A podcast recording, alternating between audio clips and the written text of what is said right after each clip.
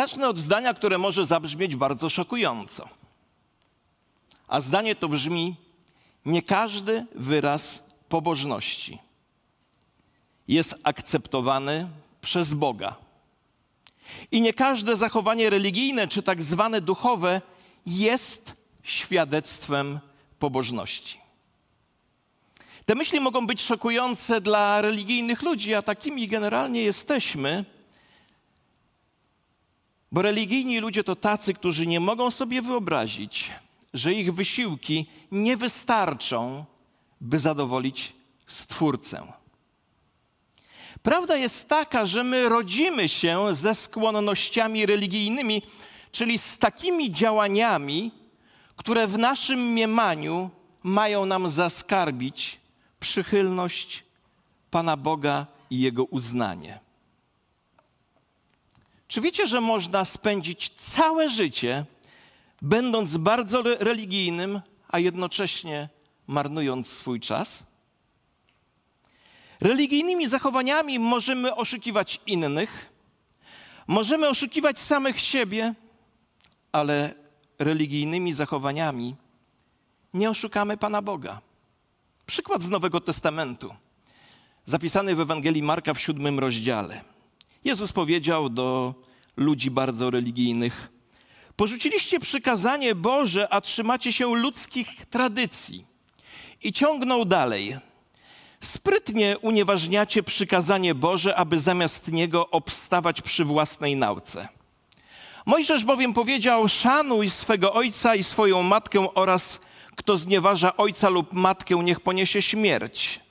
Wy natomiast mówicie, jeśli by człowiek powiedział ojcu lub matce korban, czyli to, co mógłbym wam dać jako wsparcie, jest darem ofiarnym, to już nie pozwalacie mu nic uczynić dla ojca albo matki. Tak właśnie przez swoją tradycję unieważniacie słowo Boga i wiele tym podobnych rzeczy robicie. W tym przypadku religijna czynność zwana korban, która o zgrozo oznacza przybyć do Boga lub zbliżyć się do Niego, a polegająca na złożeniu ofiary miała moc zastąpić troskę o rodziców wynikającą z przykazania. Od wielu lat i w swoim własnym życiu, i w życiu moich przyjaciół i innych ludzi wierzących obserwuję różne ewangeliczne korbany. Na przykład to, co się ode mnie z mojego czasu i troski należy dzieciom i współmałżonkowi, zastąpię udziałem, zastąpię udziałem w kolejnej konferencji w tym miesiącu. To taka starodawna i współczesna forma pewnego rodzaju odpustu. A w związku z zakorzenioną w nas tendencją do zastępowania prawdziwej pobożności różnego rodzaju czynnościami religijnymi, Jakub kieruje do nas w swoim liście, który rozważamy w ramach cyklu Jak żyć wiarą, a nie religią, następujące słowa, do których posłuchania bardzo Was zachęcam. Jeśli ktoś sądzi, inaczej mówiąc, uważa, wyobraża sobie, że jest bogobojny, religijny, skrupulatnie przestrzegający rytuałów swojej wiary, lecz nie powściąga swojego języka, to oszukuje swoje serce i jego bogobojność jest pozbawiona treści. Lub jak mówi inny przekład, jeśli ktoś wśród was sądzi, czyli uważa, wyobraża sobie, że jest pobożny, a nie powściąga języka, lecz oszukuje swoje serce, tego pobożność jest próżna. Jakub używa tutaj słowa sądzić, które dokładnie znaczy wyobrażać sobie. Oszukiwanie samego siebie jest najłatwiejszym, ale i najgorszym rodzajem oszustwa. Nie jest to nic trudnego, ponieważ wielu z nas, chociażby przez zawyżoną opinię o sobie samych albo zaniżoną, oszukujemy samych siebie, nawet nie zdając sobie z tego sprawy. Słowo pobożny oznaczało dla Jakuba mniej więcej to samo, co oznacza ono dzisiaj dla nas. Odnosiło się ono do takich zewnętrznych wyrazów wiary chrześcijańskich, wiary chrześcijańskiej.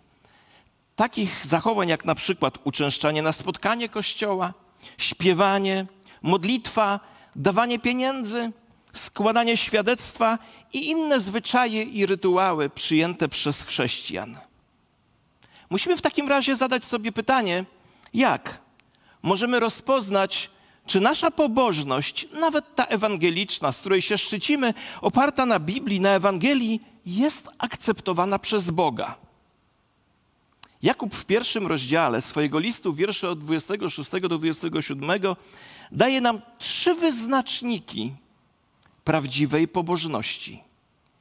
I powiem Wam szczerze, że te trzy wyznaczniki na pierwszy rzut oka wcale nie wyglądają na pobożne, zwłaszcza w dzisiejszej kulturze.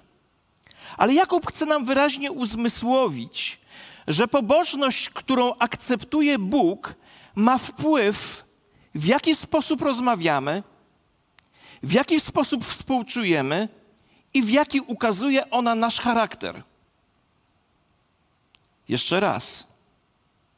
Jakub chce nas nauczyć, że pobożność, którą Bóg, pobożność, którą Bóg akceptuje, ta pobożność ma wpływ na sposób, w jaki rozmawiamy, na sposób, w jaki współczujemy i w jaki sposób ta pobożność ukazuje nasz charakter.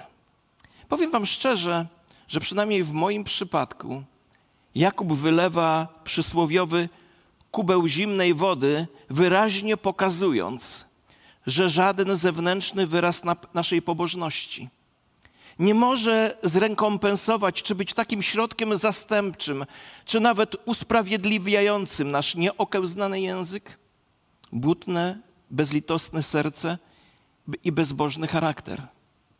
Jeszcze raz. Żaden wyraz pobożności nie może zrekompensować lub być środkiem zastępczym czy usprawiedliwiającym nasz nieokiełznany język, bezlitosne serca i bezbożny charakter.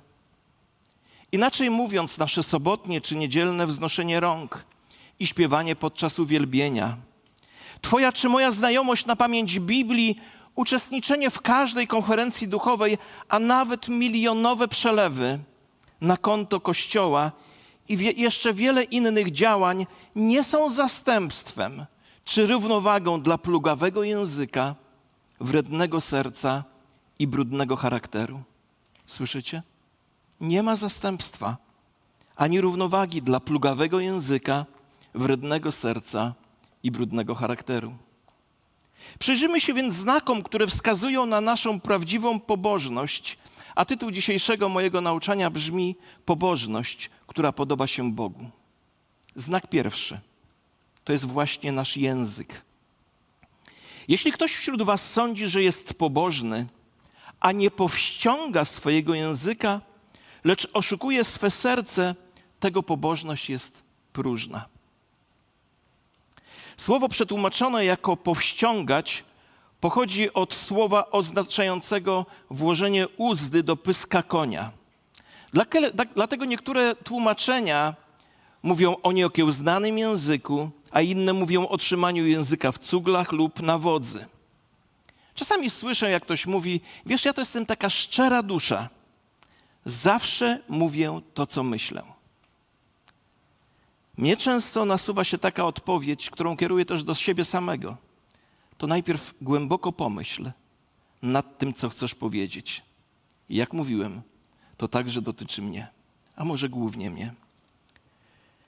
Uczyliśmy się niedawno, że generalnie my za dużo mówimy. Mamy zbyt wiele opinii, zbyt szybko się nimi dzielimy, a niektórzy z nas mają dar wysublimowanego poniżania innych ludzi. Często mamy odpowiedzi na wszystkie, dosłownie wszystkie pytania, siejąc słowami ogromne spustoszenie tam, gdzie się pojawiamy.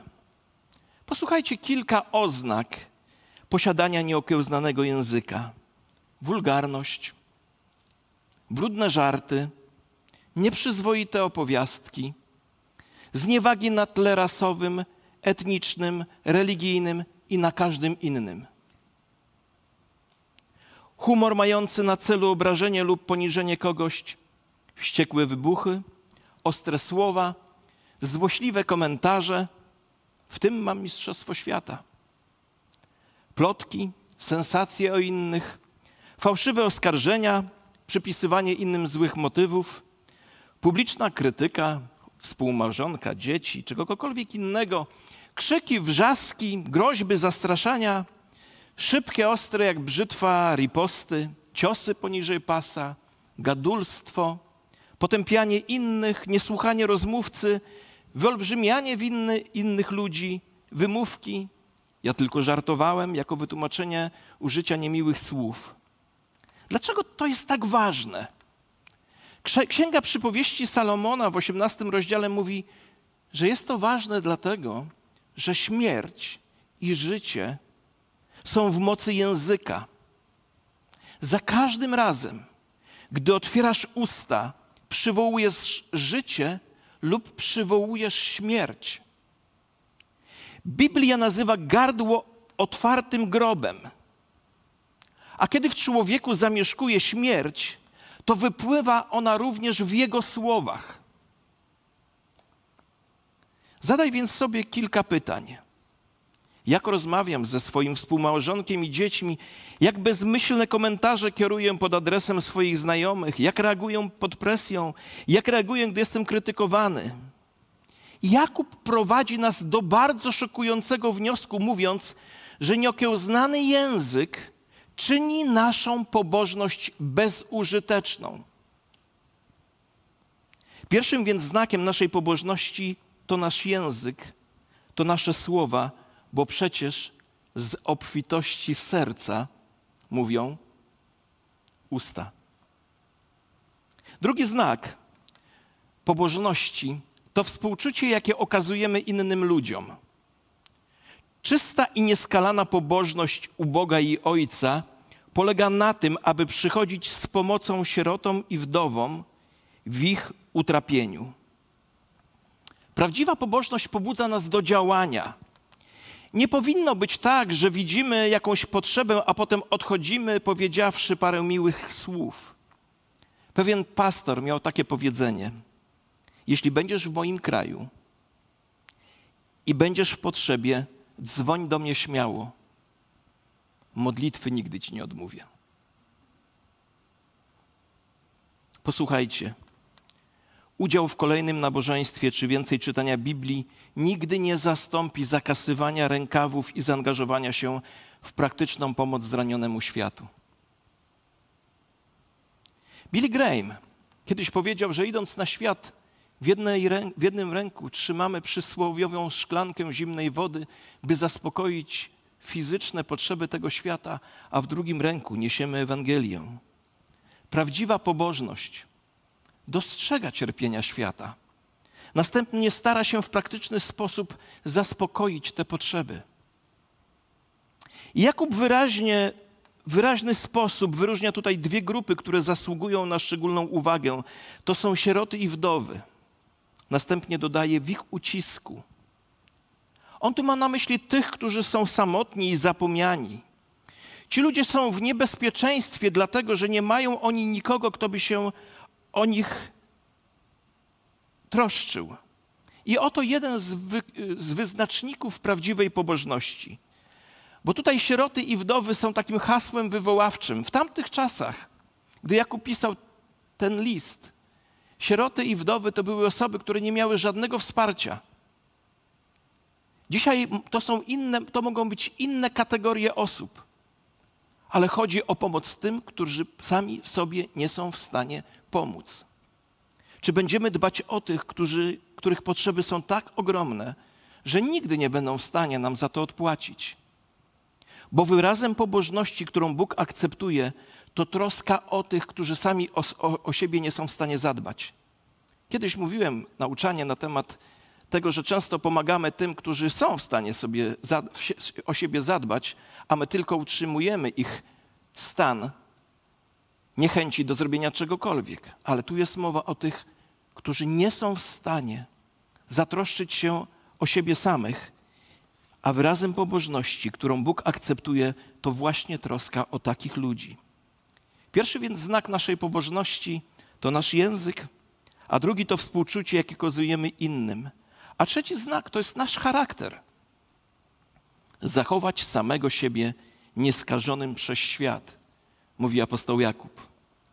Prawdziwa pobożność chroni nas przed byciem splamionym przez świat. A przecież świat, w którym żyjemy, on jest po prostu brudny. Jeśli nie będziemy ostrożni, zostaniemy splamieni moralnym brudem. Z praktycznego punktu widzenia muszę znać swoje ograniczenia i trzymać się daleko od miejsc, czy sytuacji, czy osób, nawet jeśli inni mogą to zrobić, to, czego ja nie mogę zrobić, bo moja granica jest w innym miejscu. Wiecie, świat ociera się o nas bardziej niż my sobie wyobrażamy. To dobrze, kiedy jesteśmy razem ze światem, bo takie jest nasze powołanie. Jezus, modląc się o uczniów, powiedział: Boże, ja nie proszę Cię, żebyś zabrał ich ze świata. To dobrze, kiedy jesteśmy razem ze światem, ale złą rzeczą jest, kiedy ten świat jest w nas. Wiecie, te dwa wiersze o pomocy ludziom w potrzebie i ten wiersz o tym, żeby dbać o swój charakter, są ściśle ze sobą powiązane. Ponieważ mamy być głęboko zaangażowani w świat. Musimy sobie ubrudzić ręce w błocie ludzkiego bólu i smutku. Kiedyś powiedziałem o tym, że chrześcijaństwo to nie jest myjnia bezdotykowa. Kiedy wychodzimy, kiedy wy, wyciągamy ręce do krzywdzonych ludzi, znajdziemy się w trudnych sytuacjach, a mimo to musimy do nich iść w imię Jezusa Chrystusa. Ale kiedy idziemy, musimy uważać, abyśmy nie zostali skażeni przez brud otaczającego nas świata. Ale mamy w tym wszystkim świetny przykład naszego Pana Jezusa Chrystusa. On pozostawił czystość nieba, aby uratować nas od nieczystości tego świata. Chodził między nami, mieszkał z nami, rozmawiał z nami, jadł z nami, śmiał się z nami, płakał z nami, obracał się wśród żarłoków i pijaków, znał faryzeuszy, nawet nazywał ich hipokrytami, ale nigdy nie został żarłokiem, pijakiem czy hipokrytą. Był znany również wśród prostytutek, które rozpoznawały w nim człowieka różniącego się od wszystkich innych, których znały. Ponieważ był synem Bożym, podnosił upadłych. I mimo, że sam mógł upaść, nigdy upadku nie doświadczył. I już zakończenie. Jeśli mamy być posłuszni temu, czego nauczał nas Jakub, to naprawdę to, czego potrzebujemy, to żyjącego Chrystusa w nas. Nigdy nie okiełznamy naszego języka, nigdy nie wyciągniemy ręki do ludzi zranionych, ani nie utrzymamy się w stanie nieskalanym przez świat dzięki naszej własnej mocy. Za każdym razem, kończąc list, ten fragment listu Jakuba, chcę nam wszystkim i sobie przede wszystkim uświadomić, że rzeczy, które nauczamy, nie są możliwe do zrealizowania bez Chrystusa w nas. Bo bez Niego nigdy nie, będzieli, nie będziemy żyli w prawdziwie pobożny sposób. On musi przyjść do nas i przejąć kontrolę nad naszym językiem.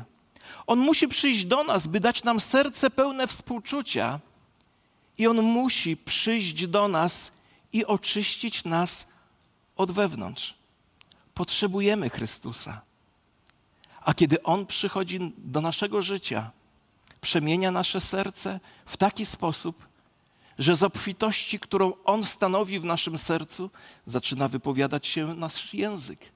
Że z obecności w naszym sercu, Jego obecności w naszym sercu, zaczynamy dostrzegać potrzeby innych ludzi i tak jak On pochylać się nad nimi.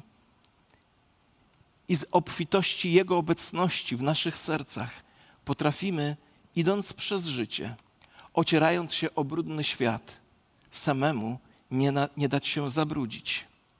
A jeśli komuś z nas wydaje się, że jest już pobożnym wykonawcą Bożego Słowa, że już chodzi Bożymi drogami, lecz nadal nie potrafi powstrzymać języka od światowego gadania, to człowiek taki zwodzi swoje serce, a jego pobożność nie ma żadnej wartości. Niech taki człowiek uświadomi sobie raczej, że prawdziwa, czysta i nieskażona forma okazywania czci Bogu i Ojcu nie polega na umiejętności pobożnego wypowiadania się, lecz na otaczaniu opieką ludzi żyjących w biedzie, a w szczególności sieroty i ubogie samotne kobiety, a także na chronieniu samych siebie przed wpływami, którymi świat próbuje nas opanować, kształtując nasz sposób myślenia według swego wzorca. Bo tylko ten świat w imieniu Pana Jezusa Chrystusa przemienią ludzie, którzy wypowiadają słowa życzliwe, pełne mocy, płynące z obecności Chrystusa. Bo tylko ten świat zmienią ludzie, którzy mając Chrystusa w swoim sercu, potrafią pochylić się nad autentycznymi potrzebami ludzi, by usłużyć im w ich zmaganiach. Bo tylko ci, którzy pomimo presji świata, mając Chrystusa w swoim sercu, nie splamią swojego charakteru, tacy ludzie rozszerzać będą królestwo, świadczyć o Chrystusie i okazywać prawdziwą pobożność. Pochylmy nasze głowy w modlitwie. Zwykle w tym miejscu zadaję pytanie, czy ktoś z nas wie, że to słowo dzisiaj było do niego. Bo chciałbym się o tych z Was pomodlić w szczególny sposób. Jeśli to słowo dzisiaj wiesz było do Ciebie, daj znać przez podniesienie ręki. Dziękuję bardzo, jest wiele rąk, moja też jest w górze. Boże, przychodzisz do nas, by zmieniać nasze serca. To Twoja obecność w naszych sercach uzdalnia nas do właściwego mówienia, do właściwego współczucia i do prawdziwej świętości. Dlatego tak bardzo potrzebujemy Ciebie w każdej chwili naszego życia. Bo chcielibyśmy być ludźmi, którzy są prawdziwie pobożni, pobożni w Twoich Boże oczach. Nie w swoich, nie w cudzych, ale właśnie w Twoich. A dzisiaj nam to bardzo mocno przypomniałeś o tak ważnych trzech rzeczach, jakim jest nasz język, nasz stosunek do bliźniego i nasz charakter. Panie, to wszystko jest możliwe dzięki Twojej obecności.